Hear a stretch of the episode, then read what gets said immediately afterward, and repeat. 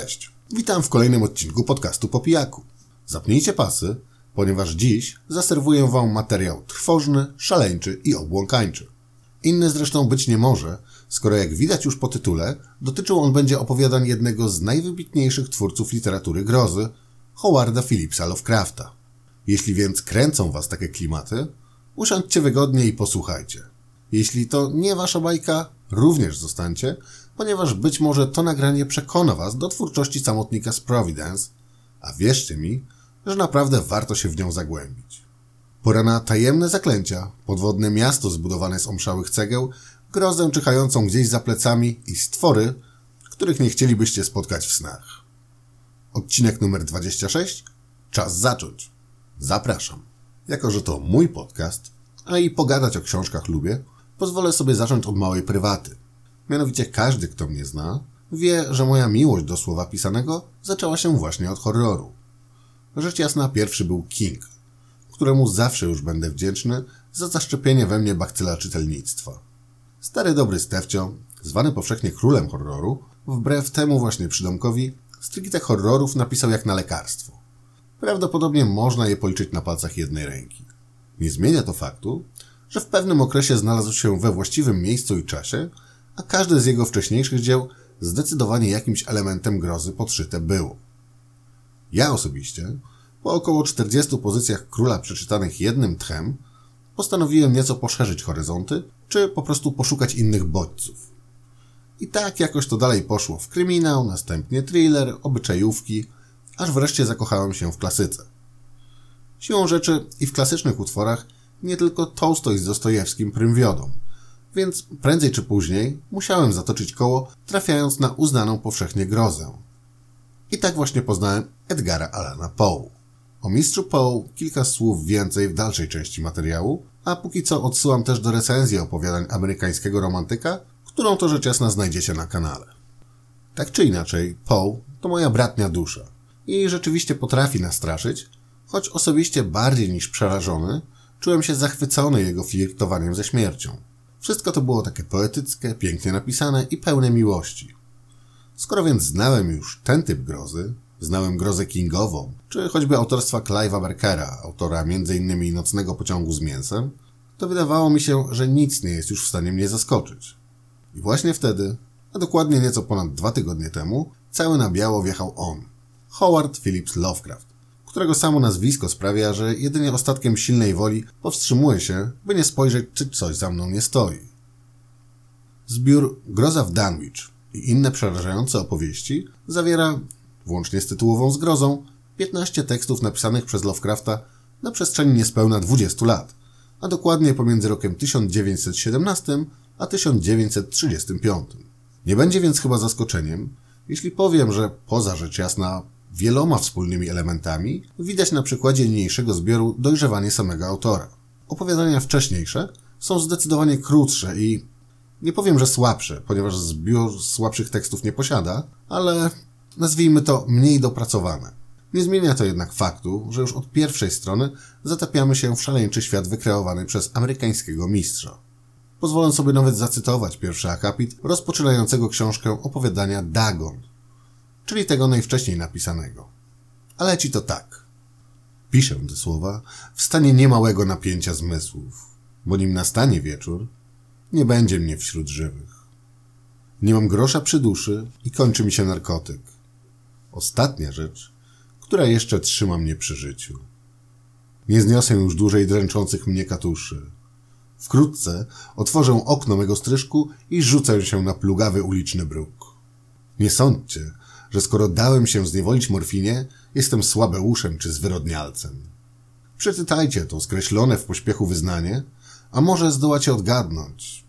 Choć w pełni nie pojmiecie tego nigdy, czemu nie ma dla mnie ucieczki przed zapomnieniem lub śmiercią. Nie najgorzej, prawda? Delikatny klimacik zaczyna się rodzić, a przypominam, że przynajmniej moim zdaniem narracje i całe to budowanie otoczki grozy rozwijały się u Lovecrafta wraz z biegiem lat i kolejnymi napisanymi tekstami. Inna rzecz, że w większości przypadków schemat jest dość podobny, czyli na początku kilka zdań od narratora, zwykle znajdującego się już pod opieką lekarzy lub co najmniej w stanie szaleńczego rozgorączkowania, Następnie, że tak powiem, akcja właściwa, a całość zamykana jest zazwyczaj ponownie w punkcie wyjściowym. Znamiennym dla twórczości samotnika z Providence jest też, no nie bójmy się użyć tego słowa, rasizm. Wpływ na taki stan rzeczy miały oczywiście czasy, w jakich Lovecraft tworzył i ówczesna polityka rasowa. I też, żeby było jasne, nie jest tak, że bohaterowie o ciemniejszym odcieniu skóry są tu poniżani.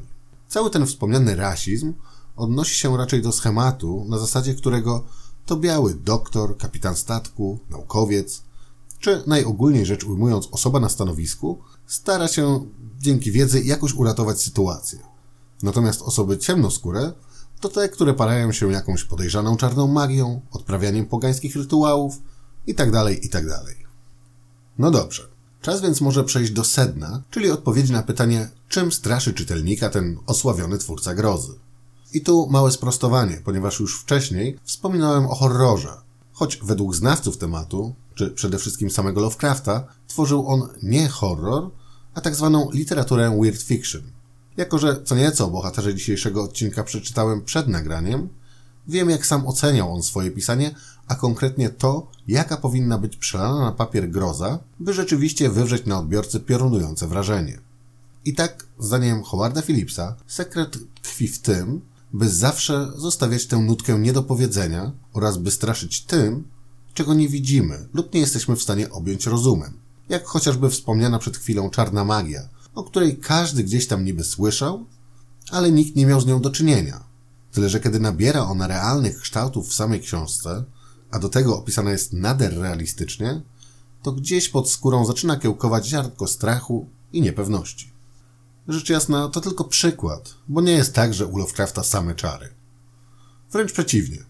Największym bowiem osiągnięciem autora jest stworzenie tzw. Tak mitologii Cthulhu, którą to zresztą nazwę wymyślił przyjaciel autora po jego śmierci. A druga sprawa, że samo Cthulhu ja osobiście wymawiam w taki sposób, w Stanach mówi się Cthulhu i zapewne w innych zakątkach świata jeszcze inaczej, choć tak naprawdę wszyscy robią to źle, ponieważ słowa tego nie jest w stanie wymówić człowiek. W czym rzecz? Mógłby zapytać ktoś, kto z Lovecraftem nie miał jeszcze do czynienia. I już spieszę z odpowiedzią. A tak naprawdę to nie. Wcale nie spieszę, ponieważ jest to temat tak rozległy i fascynujący, że lepiej poznać go na własną rękę. Choć odrobinę oczywiście zdradzę. Otóż Cthulhu to jedno z bóstw całej mitologii i wielkich przedwiecznych, czyli istot, czy raczej bytów, przybyłych na Ziemię miliardy lat przed człowiekiem. Bóstwa te były, są i będą na zamieszkałej przez nas planecie na długo po śmierci ostatniego z ludzi. Sam Cthulhu posiada z kolei postać fizyczną. Jest to zamieszkujący oceany olbrzym o pokrytej mackami głowie, wielkich skrzydłach i ciele z mazistej galarety. Obecnie Cthulhu spoczywa w zatopionym mieście Rie, na południu Oceanu Spokojnego, zsyłając na co wrażliwszych koszmarne i nierzadko makabryczne sny oraz wizje. Sam Cthulhu nie jest najpotężniejszą postacią całego uniwersum, jest jednak najbardziej charakterystyczną ze względu na jego wstrząsający opis w opowiadaniu Zew Cthulhu, zawartym rzecz jasna w omawianym zbiorze. Jeśli jednak nie wiecie o czym mówię, to wpiszcie sobie w wyszukiwarkę frazę Cthulhu, zapisywaną jako C, T, H, U, L, H, U. Wtedy wszystko stanie się jasne. Kolejna kwestia to umiejscowienie akcji. Pochodzący z Providence Lovecraft najczęściej na miejsce swych opowieści wybierał spokojną Nową Anglię, która według pisarza była jeszcze krainą stosunkowo nieznaną i pełną tajemnic. Drugą zaś ulubioną miejscówką był świat podwodny lub przynajmniej w jakimś stopniu powiązany z wodą, bagnami itd. Tak Okazuje się, że był to strzał w dziesiątkę, ponieważ autentyczne badania wykazały, że większość ludzi podświadomie odczuwa przed wodą lęk. I nie jest to kwestia np. braku umiejętności pływania, a obawa przed środowiskiem, którego nie jesteśmy w stanie kontrolować. Przykładem niech będzie choćby zatopione miasto, w którym spoczywa Cthulhu. No, wyobraźcie sobie, że trafiacie do podwodnego miasta, którego architektura nie przypomina niczego, co mógłby zbudować człowiek. Gigantyczne, na wpół zrujnowane budowle obrosłe wodorostami i mchem, a wy, stąpając w mule po kostki, brniecie naprzód, wiedząc, że gdzieś w tym mieście czai się zło i trwoga. No, przyjmijmy, że nie jest to najprzyjemniejsza wizja. A, no właśnie, bo w zasadzie wszystko u Lovecrafta dzieje się na pograniczu jawy i snu, co tylko podkręca ten klimat tajemnicy i niedopowiedzeń. Częstokroć mamy w wybranych tekstach sytuacje, gdy sam narrator, uczestniczący w centrum wydarzeń, opowiada wszystko, zaznaczając, że sam nie wie, czy to, co widział lub przeżył, nie było wytworem wyobraźni, lub przynajmniej ma nadzieję, że tak właśnie było, ponieważ ludzki umysł nie byłby w stanie ogarnąć tego, co właśnie stało się jego udziałem. No dobrze, powoli zbliżam się do końca, choć poza Cthulhu nie wymieniłem nawet jednego tytułu z omawianej twórczości. Dlaczego? Ponieważ na dobrą sprawę nie ma to najmniejszego znaczenia. Są tu oczywiście teksty, które wbiły mi się w pamięć, stanowiąc zarazem czołówkę najlepszych opowiadań, jakie w ogóle czytałem. Będą to chociażby przypadek Charlesa Dextera Warda, Kolor z innego wszechświata, czy Widmo nad Innsmouth. Wszystkie trzy autentyczne perełki przez duże P. Generalnie jednak liczy się całość, a ta jest tu wyjątkowo spójna, mroczna i uderzająca w najczulsze i najciemniejsze zakamarki wyobraźni. Na samym początku recenzji zaznaczyłem, że wrócę jeszcze do Edgara Allana Poe. I to jest właśnie ten moment. Pisarza z Baltimore uwielbiam i zawsze już będzie mi on bliski z uwagi na podobną wrażliwość, na to, że czytając Poego, miałem wrażenie, jakbym czytał swoje własne myśli. Teraz z kolei odkryłem Lovecrafta, którego wrażliwość aż tak bliska mi nie jest, choć na płaszczyźnie samej grozy śmiem twierdzić, że nawet Poe nie stoi na tym samym poziomie. Niedawno w rozmowie ze znajomym przyszło mi do głowy porównanie obu panów i może nie jest ono jakoś wielce górnolotne, jednak zdaje mi się, że względnie trafione. Otóż od jakiegoś czasu telewizja i kino praktykują modę na opowiadanie historii seryjnych zabójców. A jako, że zarówno Poe, jak i Lovecraft nazywani są mistrzami grozy i horroru, to powiedzmy, że można ich jakoś pod ten wątek podciągnąć.